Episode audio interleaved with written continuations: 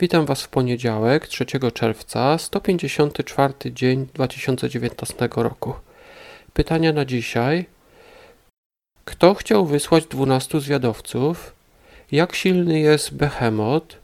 Czy wystarczy wiara w Jezusa? Czy potrzebne jest jeszcze coś więcej? Czym były pieśni stopni, nazywane też pieśniami wstępowań? Jak mamy używać daru mowy? Księga Powtórzonego Prawa, rozdział pierwszy. Ta księga, jak sama nazwa wskazuje, powtarza prawo oraz historię Izraela. Dowiadujemy się w niej wielu szczegółów, czyli dowiadujemy się o wydarzeniach, które znaliśmy już wcześniej, ale dowiadujemy się szczegółów odnośnie tych wydarzeń.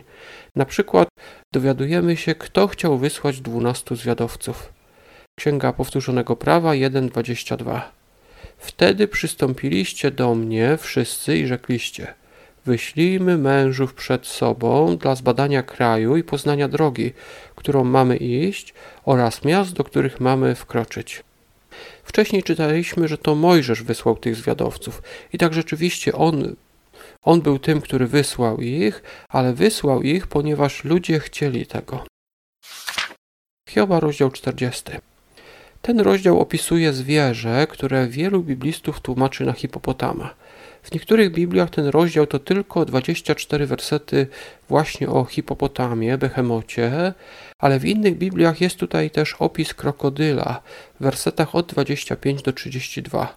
W innych przekładach wszystkie wersety dotyczące krokodyla są w rozdziale 41. Y, od wersetu 15 zaczyna się właśnie ten opis Behemota, czyli prawdopodobnie hipopotama. Hioba 40:15. Oto hipopotama, jak ciebie stworzyłem, jak wół on trawą się żywi. Hipopotam pozornie jest nieszkodliwy. Je trawę, tak jak krowa, ale zdenerwowany hipopotam potrafi przegryźć krokodyla na pół albo rozwalić nawet mały statek. Hiob już wcześniej, słysząc te wszystkie pytania, powiedział, Hioba 40 i werset 4. Jam mały, cóż ci odpowiem? Rękę przyłożę do ust. Tak więc Hiob, słysząc te wszystkie pytania, na, na, przykład odnośnie zwierząt, które są bardzo potężne, postanowił przyłożyć rękę do ust, czyli nic więcej nie mówić. Bóg jednak będzie go dalej przepytywał. Zobaczymy to jeszcze w 41 rozdziale. Jana trzeci rozdział. W nocy do Jezusa przybywa Nikodem. Jest on faryzeuszem, jest członkiem sądu Sanhedrynu, jest taką bardzo ważną osobą. Wierzy on w Jezusa, ale boi się do tego przyznać przed ludźmi i właśnie dlatego przychodzi do Jezusa w nocy. Ale skąd wiemy, że wierzył w Jezusa? Jana trzeci rozdział, werset drugi. Ten przyszedł do niego nocą i powiedział mu: Rabbi, wiemy, że od Boga przyszedłeś jako nauczyciel, nikt bowiem nie mógłby czynić takich znaków, jakie ty czynisz, gdyby Bóg z nim nie był.